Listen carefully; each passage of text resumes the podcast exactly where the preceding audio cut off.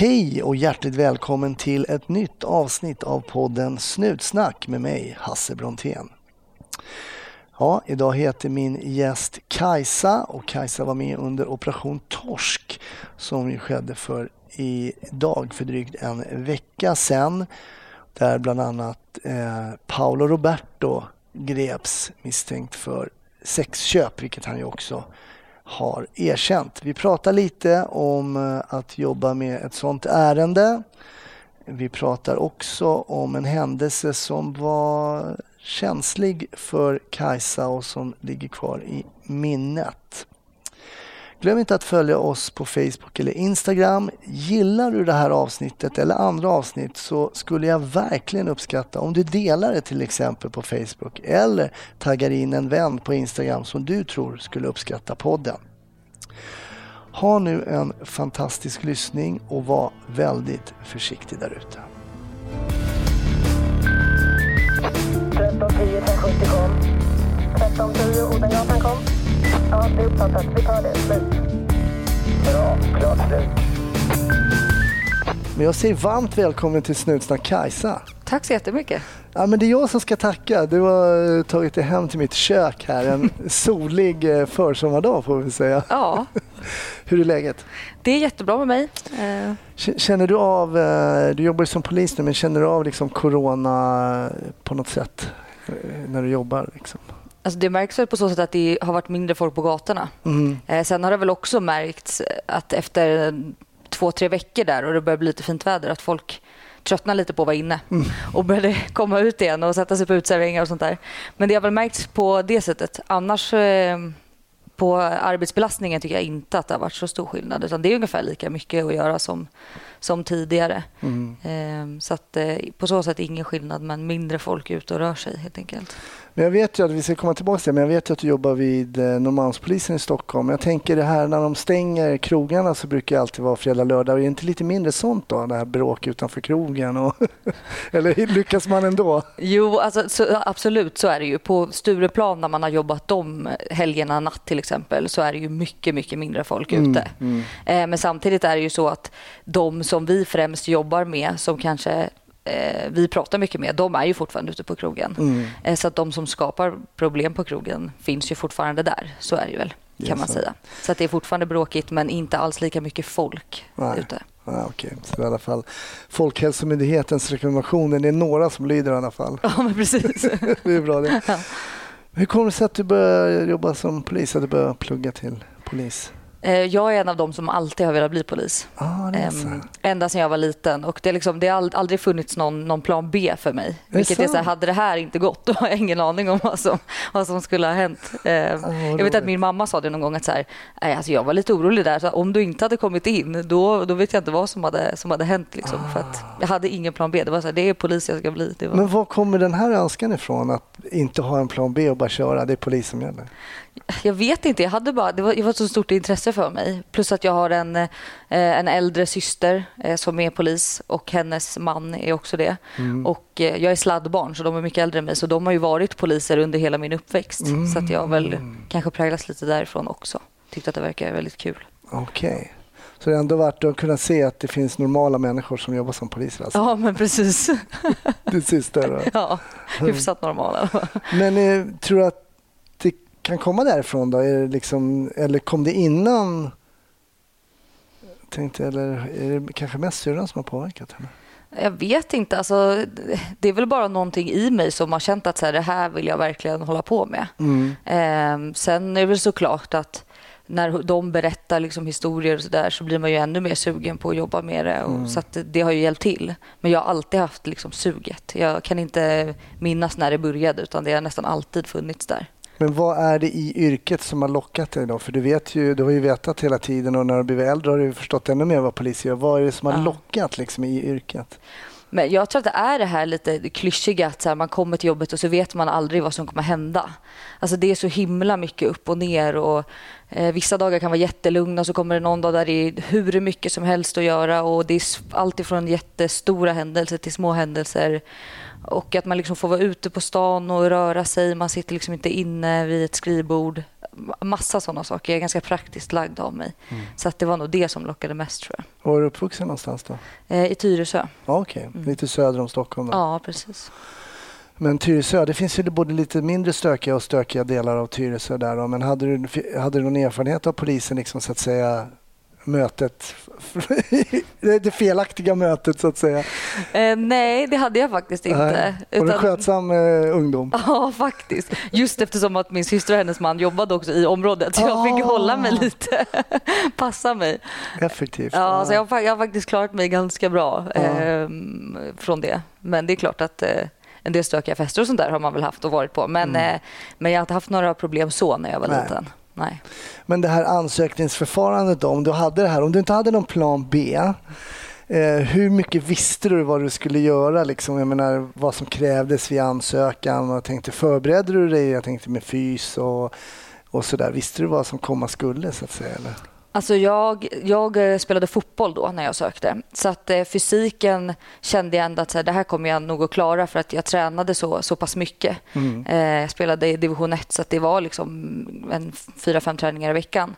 Så att då blev det ändå att man höll igång. Så att den delen var jag, var jag inte så orolig för. Det var mer, man visste inte vad psykologer skulle säga och tycka om hur man är som person. Även om ens närmsta tycker att man är jättebra så är inte det säkert att en professionell eh, psykolog delar den uppfattningen. Liksom. Nej, jag har, ju, kan ju ha, har ett och annat att säga till polisen, psykologer kan jag säga, när jag har sökt tjänst. det var inte illa mitt mindset. Okej, men du lyckades passera det, det i alla fall då. Mm. Hur fick du reda på att du hade kommit in? Jag fick ett brev hem. Eh, jag bodde ju hemma hos min mamma då fortfarande. Och eh, det damp ner där. Hon ringde mig när jag var på väg hem från skolan tror jag. Från, eh, och då eh, ringde hon och sa att hur långt tar du hem? Så här jättekryptisk var hon. Och jag bara, ja men jag är väl hemma om tio minuter. Hon bara, okej, du, du har fått ett brev. Och sen när jag kom hem så liksom satt hon bara vid eh, matbordet och med brevet framför sig och stirrade på mig. Hon var så här, öppna det då. och så öppnade jag det och så eh, blev jag såklart jätteglad. Liksom, eftersom att det var ju min största dröm. Just det. Så att eh, det var ju superkul. Ja, men det är väl kul. Fasen vad häftigt att kunna förverkliga en sån eh, liksom, ungdomsdröm om ett yrke oavsett om man vill bli polis eller läkare eller vad det än är. Det måste ju vara häftigt. Ja, absolut. Det var ju to- total lycka. Liksom. Då visste jag att här, även om det var liksom en alltså det ska genomföras en utbildning också, men Exakt, eh, ja. känslan ändå att ha kommit in och nu låg ju allt liksom i mina egna händer. Så att, Hur länge sedan är det här då? Du gick, du gick plugget? eh, jag blev klar sommaren 2018 Mm. eh, och jag började på aspiranten på Norrmalm hösten 2017 måste det bli, något sånt där. Mm. Eh, och sen var det väl två år innan dess som jag började. Mm. Eh, och så är det två och ett halvt år man går då. Just det. Ja. Ja, men så är du ganska nybliven. Alltså, du gick ju skolan eh, lite senare än jag gjorde i alla fall. Ja, Som precis. 88. Ja. Hur var det då, då plugget? Ja, det, var väl, det var väl både och. Eh, det är väl lite som med alla utbildningar tror jag. Att I början är det ju kul och alltid spännande och det är nytt och sådär. Och sen så eh, blir man ju lite skoltrött med tiden. Eh, som liksom med alla utbildningar. Ehm, men sen fick man ju börja ta på sig uniform och det var ju roligt och börja ha lite mer praktiska ämnen och sådär. Så att, eh, jag tyckte att, att det var bra. Det är ju en grundutbildning. Och eh, det går ju inte att... Alltså det mesta man lär sig lär man sig när man är ute och jobbar. För att det är så extremt praktiskt. Och Mm. Det är liksom svårt att sitta och läsa sig till den kunskapen som man behöver för att jobba ute. Just det. Så sen när de kom ut så säger de sig, vadå, har du lärt dig det på skolan eller? Exakt. Ungefär så. Glöm det. Precis, så gör vi inte här. Men nu jobbar du på Norrmalmspolisen. Mm, det stämmer. Var det, fick ni välja liksom var ni ville jobba eller? Ja, det fick vi göra. Man fick ju önska eh, var man ville jobba. Och jag ville vara på Norrmalm. Mm. Eh, det hade jag velat hela tiden. Så det var mitt, mitt förstahandsval och jag hade turen att, att få det helt enkelt. Varför ville du komma till Norrmalm då? Jag ville jobba i stan. Mm. Eh, Det händer mycket. Med, man har ju mycket att göra hela tiden och det finns alltid någonting att göra. Mm. Eh, Det kanske är då varje timme mellan tre och fem som det är lite lugnare liksom på nätterna. Men annars så finns det ju alltid någon bil att stoppa eller något att kontrollera. Eller. Mm. Så att det var väl det jag kände att lockade mig. Och Sen så är det också en väldigt stor station och man kan skaffa sig ett ganska bra kontaktnät och sen om man vill leta sig vidare så, Mm. så kan man eh, ta sig vidare på olika sätt liksom, Just just i huset. Ja, nej, men det är intressant och det är klart att Norrmalm ligger mig varmt om hjärtat eftersom jag själv är för detta Norrmalmspolis. Och city ser ju liksom likadant ut. Ja. I stort sett. Det har byggts om lite här och där. Ja. Särskilt där jag jobbade mycket nere på Plattan så har det faktiskt byggts om väldigt mycket från att jag jobbade. Det var väldigt mörkt och murrigt inne i hörnen. Man kunde smyga där men där är ju liksom skyltfönster öppet och det, där har de faktiskt förbättrat väldigt mycket. ja, precis. Så att um, okej, okej. Men vad är din arbetsuppgift då? Är du på IGV som det heter eller? Ja, men precis. Jag åker eh, normalt radiobil om dagarna. Eh, så det är det jag gör i huvudsak. Mm. Och i Stockholm då, jag har ju gäster från hela landet, så är ju centrala Stockholm, det är ju inte mycket rådjursolyckor och, och sånt där när man jobbar inne i Nej. Stockholm city. Nej, det är trafikolyckor dock. Ja, ja precis. mycket sånt. Folk krockar med varandra Ja. eller kör på någon cyklist och sådär. Så mycket sånt kan det vara. Och det är väldigt mycket folk som reser in till ditt distrikt där du jobbar, alltså för att gå på café, fik, festa, klubb, eh, vilket ju också är lite speciellt. Många kommer in till Norrmalm. Ja, precis. Så är det ju. Eh, det är ju väldigt mycket liksom, tillresta från andra orter och speciellt under, under nätter och sånt. Så det är väl då det märks som mest. Då kommer folk in för att festa och, och göra sådana saker. Och då kommer det också in med grovt kriminella från andra ställen av eh, Stockholm. Kommer in och ska festa här i stan och sådär. Så att eh, eh sånt är det ju väldigt mycket utav. Eh, det är ju mest då vi, vi träffar på dem helt enkelt. Mm. Men hur var det att komma då in till Norrmalm då som ju är den stationen i Sverige som har högst omsättning på jobb och sådär. Som ung tjej till exempel. Hur, hur har det varit? Jag har eh, inte upplevt det som att det har varit något negativt alls eh, från kollegor överhuvudtaget. Utan eh, jag blivit väldigt bra omhändertagen och eh, har trivts jättebra. Jag har inte upplevt, än i alla fall, någonting som eh, där någon är negativ mot mig för att jag är ung tjej. Mm. Eh, så att eh, jag har bara upplevt det som positivt. Mm. I förra veckan var det ju stort halabaloo i pressen och är fortfarande väldigt stort halabaloo kring ett sexköp framför allt. Och det var ju för att ni på Norrmalmspolisen, ska vi säga tillsammans med NOA, du får rätta mig om jag har fel, gjorde tillslag mot eh, misstänkta då, sexköpare, adresser. Och där var du med. Ja, men precis. Det var ju egentligen en gemensam insats mellan NOA och eh, Norrmalm då, eh, där man eh, hade lite olika personer från olika enheter som eh, var ute och jobbade mot just sexköp. Mm. Och man bedrev spaning mot eh, flertalet adresser och rapporterade folk helt enkelt för sexköp och eh, eh, hade också med sig socialtjänsten som man försökte få de här kvinnorna och eh, eh, tjejerna och pojkarna då som har sålt sex att få hjälp och eh, rehabilitering och stöd för, för det här så att de förhoppningsvis kan ta sig ur det. Okej, så det, det är ett samarbete där, socialtjänst och polis. Ja, men precis. Vi hade med dem så att de var nära till hands hela tiden. Så de kunde prata med både sexköparna eh, och se till att de som ville ha liksom, hjälp eh, för det här eh, beteendet, eller hur man ska säga, de fick hjälp med det och eh, eh, de som sålde kunde också få hjälp av eh, socialtjänsten för att ta sig ur det de har hamnat i. Liksom. Just det. Men du som jobbar som eh, ordningspolis då på, på Norrmalm, och säga hur bra koll har ni på liksom, adresser? Eh, för det poppar väl upp kan jag tänka mig lite här och där att där eventuellt är det någon bordellliknande verksamhet.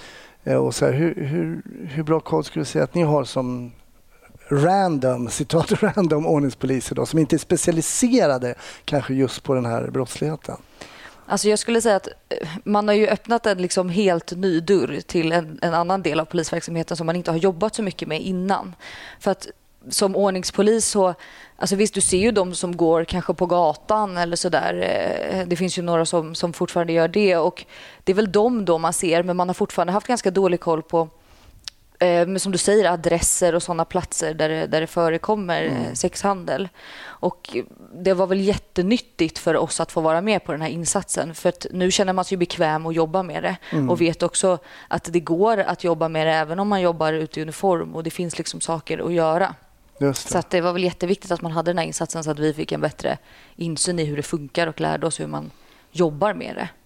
Hur kommer det sig att, eh, att till exempel just du var med på den här insatsen då? Den som kallas för torsk eller vad? Ehm, jag har, det är också en del av eh, intresset som jag har haft inom polisen att jag tyckte att jag varit nyfiken på det här eh, ämnet och på den här delen av det polisiära arbetet.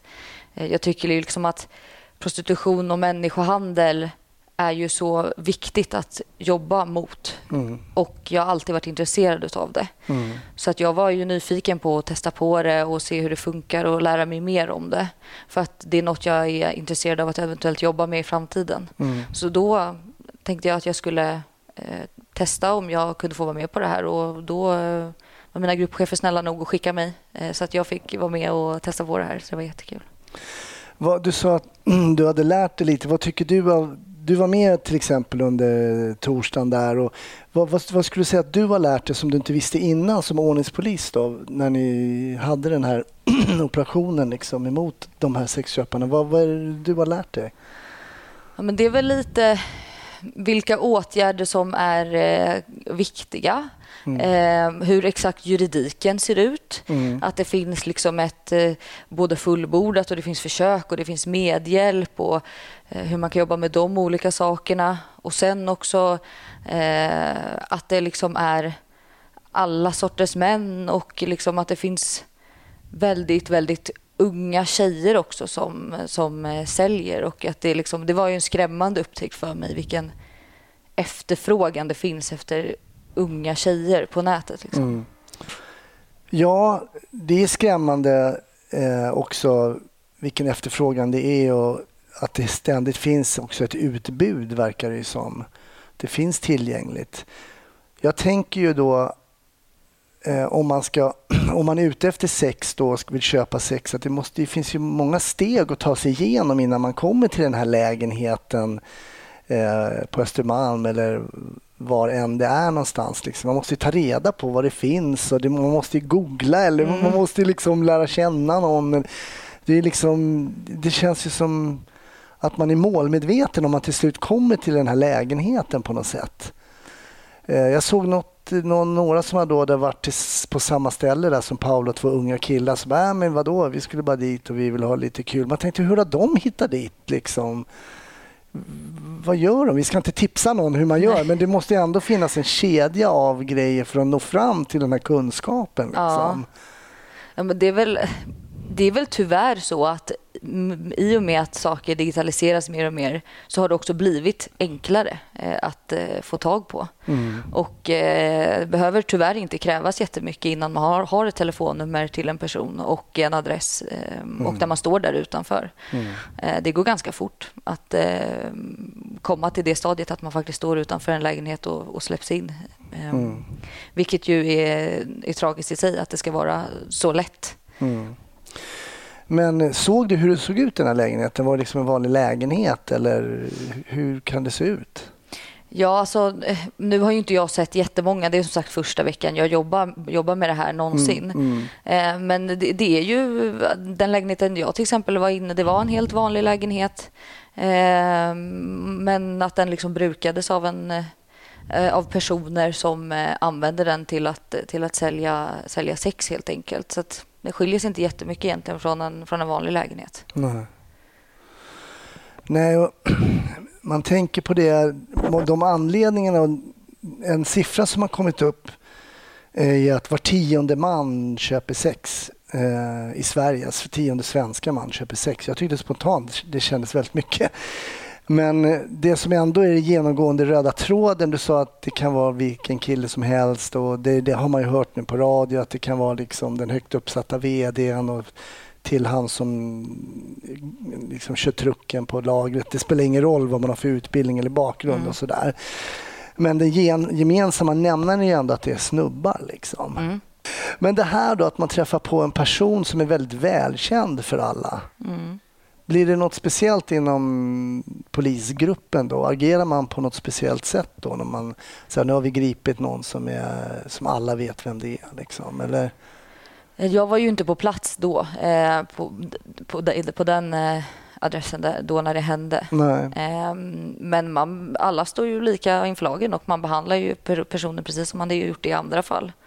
Sen är det väl klart att man kanske är lite mer mån om att inte läcka ut information och sådär. Att det eh, blir ett annat, eftersom man vet att eh, media kan ligga och lurpassa och sådär så blir det väl viktigt att man ser till att hålla det liksom bara inom tajtaste gruppen och sådär. Just det. Nu var ju han rätt mån om att berätta själv också. Mm. Precis. Och sen kan man väl diskutera om det var bra eller dåligt för hans, för hans kommande karriär och sådär. Men det är en helt annan femma. Men du sa att du skulle kunna tänka dig att jobba med de- den här typen av brottslighet, eh, trafficking, människohandel. Eh, vad funderar du mer på liksom inom polisspektrat som du skulle kunna tänka dig att jobba med? Eh, ja, nej, men det är väl det som känns liksom närmast till hands. Eh, sen eh, jag tycker att all form av sån spaningsverksamhet är, är någonting som, som lockar mig lite grann. Mm. Eh, som jag skulle tycka det var roligt att, att, att prova på. Men jag är ju som sagt jag är, jag är fortfarande ung i tjänst och, och jag, eh, just nu tycker jag att det är väldigt roligt att jobba ute i radiobil. Mm. Eh, Så att jag har inte bråttom någonstans överhuvudtaget utan jag får väl känna lite på vad som, vad som dyker upp och vad jag blir sugen på att hålla på med sen. Ångrar du ditt yrkesval just nu? Absolut inte. Verkligen inte. Det är så roligt att höra när man är att det liksom att, att den där glöden och, och sådär, att det är så kul liksom. Ja. Ja, det- är få jobb tror jag där folk tycker ändå att det är så kul att gå till jobbet. Liksom. Det, det är ju väldigt sällan man har den här söndagsångesten eller hur man kan säga att eh, Mm. folk har eh, när man ska gå till jobbet på måndagen. Nu kanske vi har det på tisdagen för att vi har varit lediga måndag och tisdag. Mm. Men eh, ja, det är ju sällan jag känner att jag tycker att det är jobbigt att gå till jobbet utan det är ju det är alltid kul. Liksom. Och man är ett bra gäng och roliga kollegor och sådär. Folk är ganska likasinnade så att det tycker det är jättekul. Vad rullar du på för schema nu? Hur, hur jobbar du som ordningspolis idag? Nätter och hur, hur blandas det upp? Vi jobbar ju tre skift, så vi jobbar ju nattpass, kvällspass eh, och dagpass. Och sen så, eh, jag har ett fast schema, så vi går på en fast lista som det heter, där man jobbar då med rullande schema hela tiden och då växlar det mellan kväll, natt och dag helt enkelt. Lite olika veckosnurror sådär. Så att, eh, ja, men det är, jag trivs bra med det, jag tycker att det är roligt, det är omväxlande. Hur funkar det att jobba natt då? Ehm, det blir ju såklart speciellt med vändningen. Att, eh, Man blir ju lite bakis eller jetlagged eh, när man ska tillbaka sen. Det är ju väldigt speciellt. Eh, Men jag tycker att det är roligt att jobba natt. Alla liksom, skift har ju sin charm. Mm. Eh, Så att jag, jag trivs bra med, med nätterna också. Det är inga konstigheter. Jag tänkte gå tillbaks lite till när du jobbade med, tillsammans med Noah här med det här. Hur fick ni liksom, fick du någon uppfattning om man till exempel de här tjejerna, vill de prata med SOS eller hur fick ni, fick ni någon kontakt liksom där så att man man skulle ju då vilja såklart att de kanske lämnar och så vidare och så vidare. Vet du hur det gick där? Eh, Jag har känslan av att de är ganska tacksamma att man, att man har med sig socialtjänsten och att man erbjuder dem hjälp. För att alltså, våran främsta uppgift med dem är att få dem att förstå att det är inte de som har gjort någonting fel. Att liksom, utan att vi, vi vill ju bara hjälpa dem. Eh, och det upplevelsen jag har fått, och det är ju ett jobb som som liksom Simon Häggström och det gänget har gjort under många, många år som har gjort att vi är där vi är idag. Där de faktiskt vet att de kan prata med oss och att de får hjälp av oss om de behöver det. Så att eh, jag upplever att vi har en liksom bra relation till dem och att de är de, de, de blir glada när vi erbjuder dem hjälp helt enkelt. De uppskattar det. Sen är det inte alla som tar den. Eh, De kanske inte vågar eller sådär. Och eh, då är det så. Men, men det känns som att de flesta ändå uppskattar att vi, att vi försöker hjälpa dem. Och De vet ju att även om de kanske inte vågar idag så kanske de vågar om två månader eller sådär. Och då, då kan de få hjälp då. Helt Just det. Med Hedvigs hemförsäkring är du skyddad från golv till tak oavsett om det gäller större skador eller mindre olyckor. Digital försäkring med personlig service, smidig hjälp och alltid utan bindningstid. Skaffa Hedvig så hjälper vi dig att säga upp din gamla försäkring. Hedvig hemförsäkring, ett klick bort. Välkommen till Momang, ett nytt smidigare casino från Svenska Spel, Sport och Casino där du enkelt kan spela hur lite du vill. Idag har vi en stjärna från spelet Starburst här som ska berätta hur smidigt det är. Jaha, så smidigt alltså. Momang, för dig över 18 år. Stödlinjen.se. Snutsnack sponsras av Polisförbundet. Polisförbundet är ju facket för alla poliser som kämpar för högre löner och bättre villkor och stöttar dig som jobbar som polis om du blir sjuk, råkar ut för en olycka eller om du behöver juridiskt stöd. Det är så att Polisförbundet kan även ge stöd till de poliser som utsätts för våld och hot i tjänsten och har så länge en fond som heter Polisskadestiftelsen. Och den här stiftelsen då, Polisskadestiftelsen, kan ge ekonomisk ersättning till dig som jobbar som polis och som har blivit utsatt för brott, våld och skadats i tjänsten. När jag tänker tillbaks på de 15 år som jag jobbade ute som polis så har jag ändå haft ganska tur. Jag har inte liksom skadats eller gjort illa mig så mycket i tjänsten men jag har ju varit med om kollegor som har råkat ut för både det ena och det andra. Och det är heller inte roligt att se en arbetskamrat skada sig.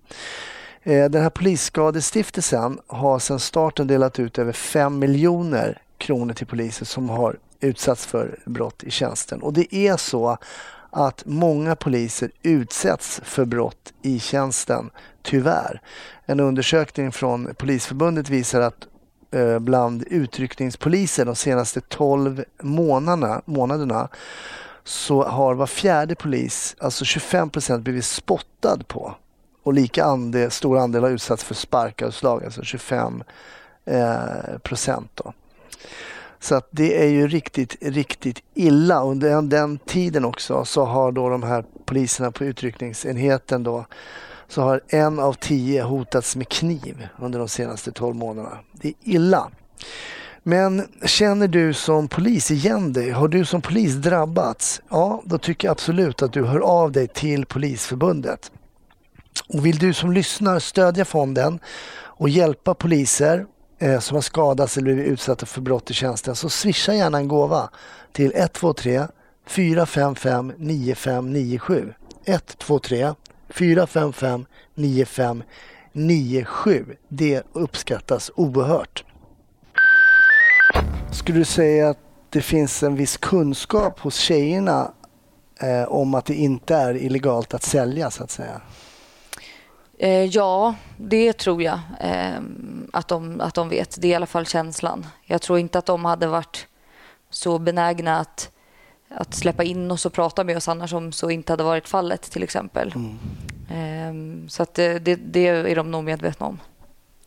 Hur tror du att en sån här razzia eller sånt här tillslag eh, påverkar eventuella framtida sexköpare? Tror du att det påverkar någonting?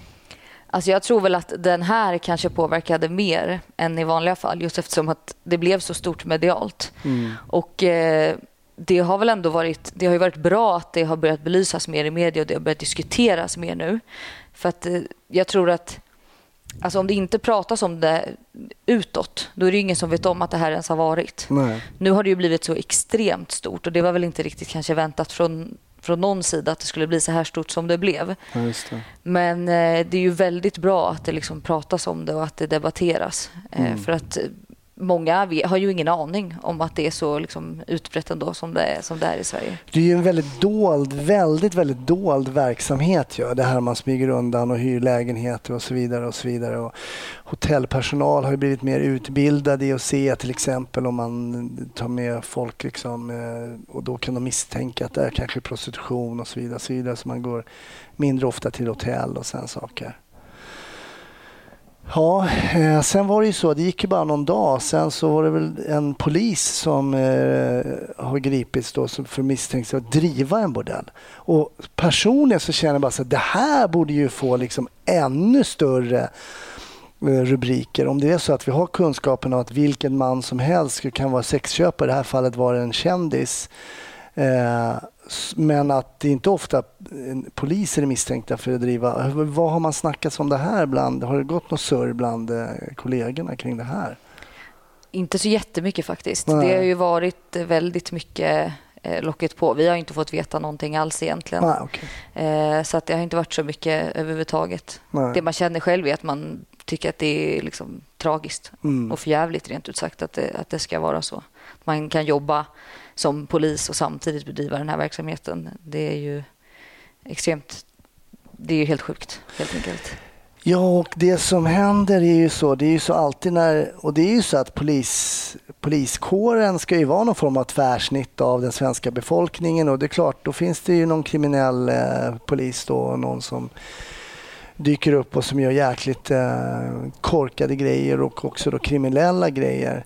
Men det drar ju ner, det drar ju ner så mycket för eh, för kollegor, alla kollegor och så vidare. Och jag kan ju tänka att ni kommer få en och annan kommentar någon gång. Eh, om det som är aktuellt så får ni väl kommentarer.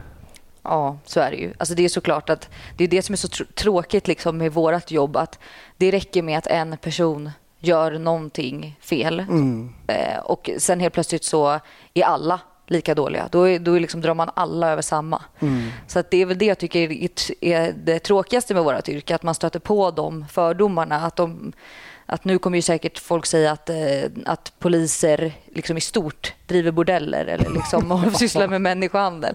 Det är väl då, det man kan stöta på. Eh, Och det är ju extremt tråkigt. För om jag går och klipper mig hos en frisör och den frisören är dålig, då säger inte jag att alla frisörer är dåliga. Nej. Men det är ju den inställningen folk kan ha till polisen ibland. Att om en polis har gjort någonting dåligt mot mig, då är alla likadana. Man ser liksom inte att vi är individer och Nej. olika personer. Nej, precis. Och det där dyker upp. Jag än idag får ju grejer på sociala medier om, om trots att jag inte har jobbat som polis på tio år Ja. så tycker de att jag ska typ skjuta någon med Downs syndrom eller någonting. Jag menar, Mm. det är konstiga paralleller, Ja. verkligen konstiga paralleller. Men vi släpper, eh, vi släpper den här eh, operationen och ehm, hoppas att den var liksom lyckad och att eh, man får undan kanske tjejerna och att eh, många får sig en tankeställare. Att det faktiskt kan dyka upp konstaplar också när man är där. Ja, jag hoppas det. Ja. Mm, verkligen.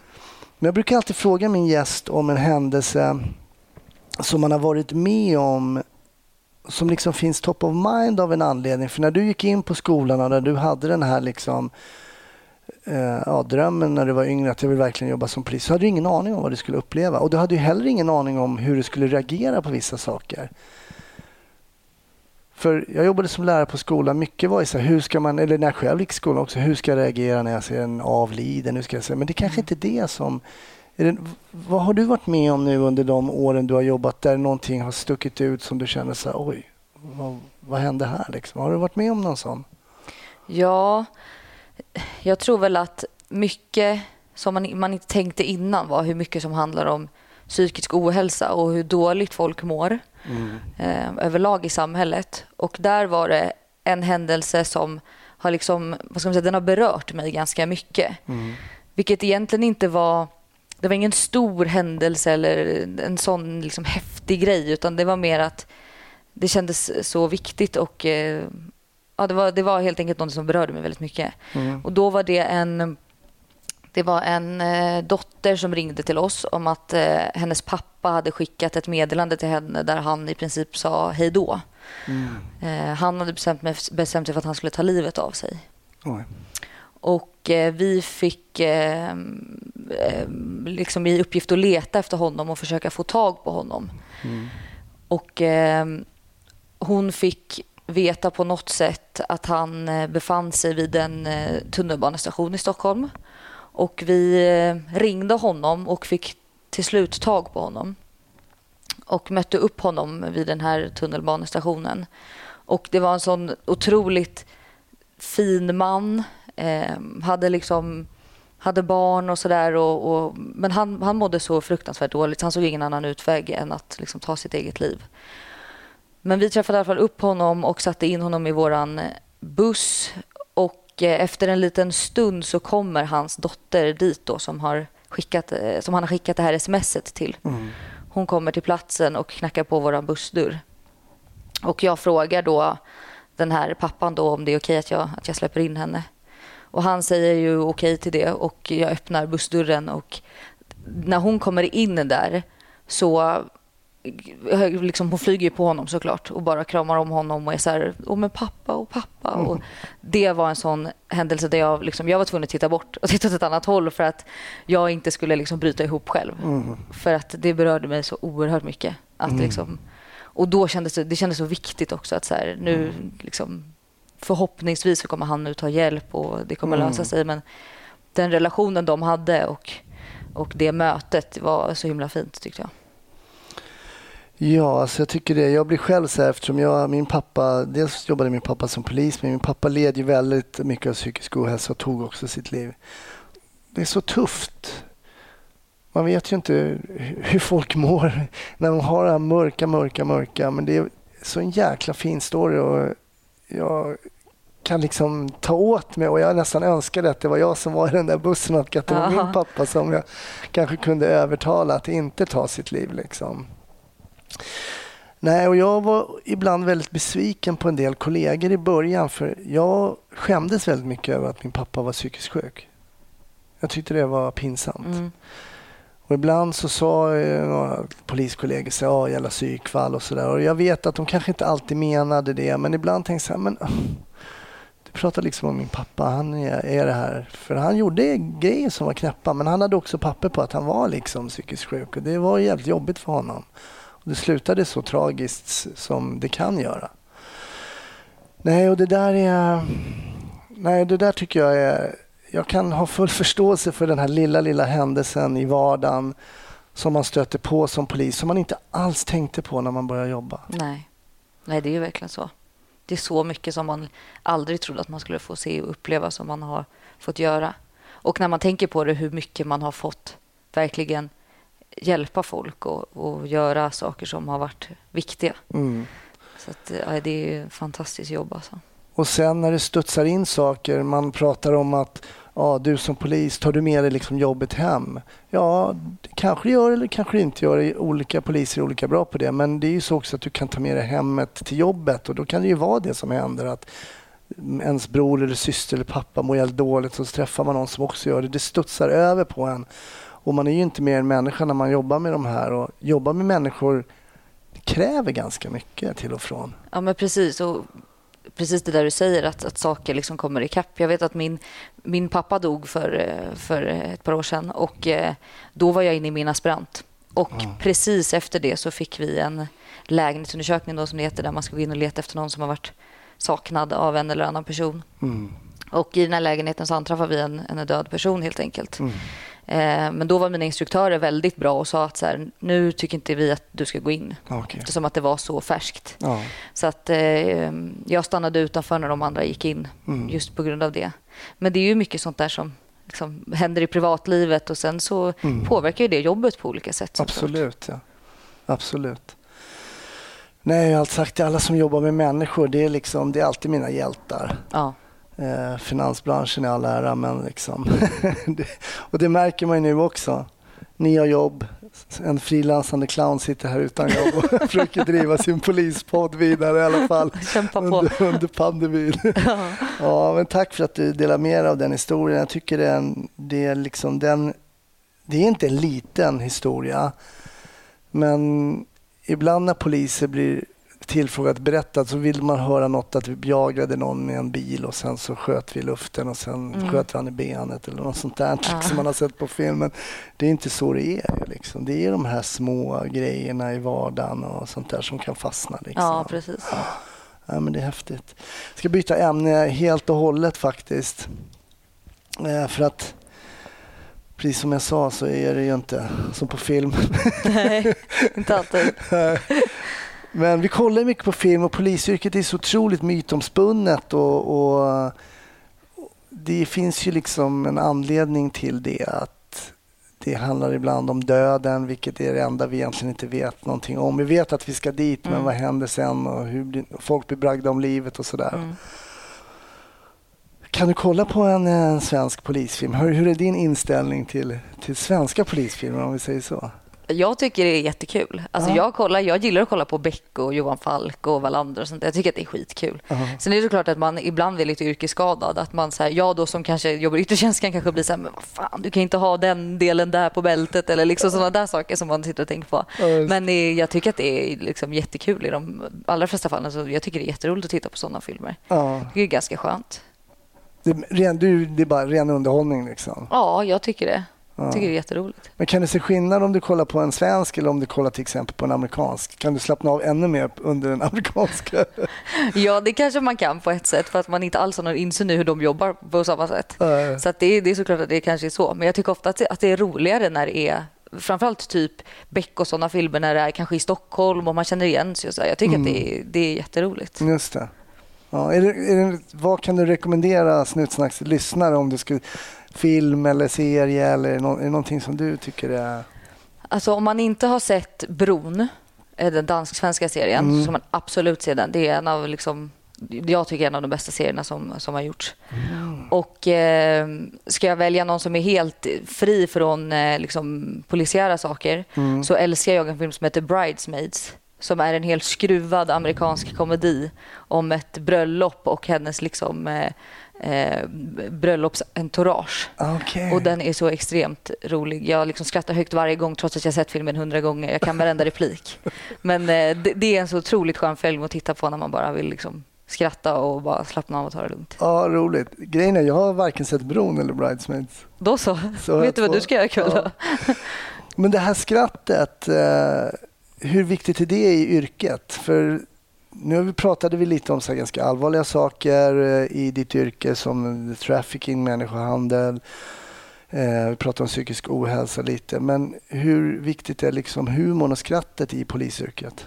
Jätteviktigt. Alltså det, det är så extremt viktigt att, att kunna man ska säga skoja om allt, men det är, det är nästan så. Mm. Att eh, Det är väldigt högt i tak liksom, hos oss och vi, vi skojar om det mesta. Men man måste nästan göra det, för att annars tror inte jag man skulle liksom klara av det här, det här jobbet. Man måste kunna liksom skoja och det kanske kan, liksom, nu är det inte så många andra som ser den delen av oss, men det kanske, för andra kanske det skulle upplevas liksom stötande eller att det var så här, men gud hur kan ni skoja om det här? Men jag tror inte att folk skulle orka jobba så länge med det här jobbet om man inte kunde skämta om, om saker som man har varit med om. Då hade det inte gått. Då hade man nog gått sönder. Liksom. Just det. Nej, bra, jag, skulle vara benägen att hålla med dig.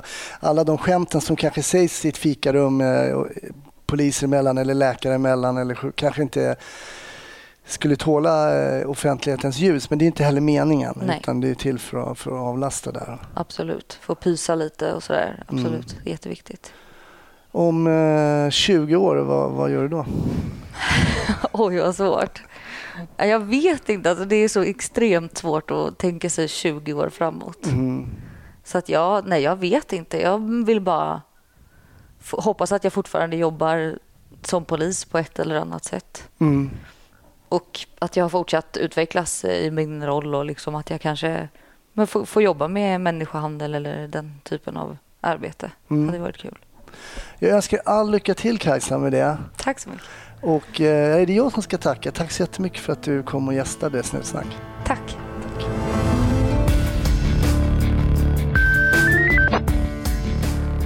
Tack! Snutsnack är över för denna vecka men tiden går fort och snart kommer en ny och då kommer även ett nytt avsnitt. Ha det jättebra fram till dess. Hej då!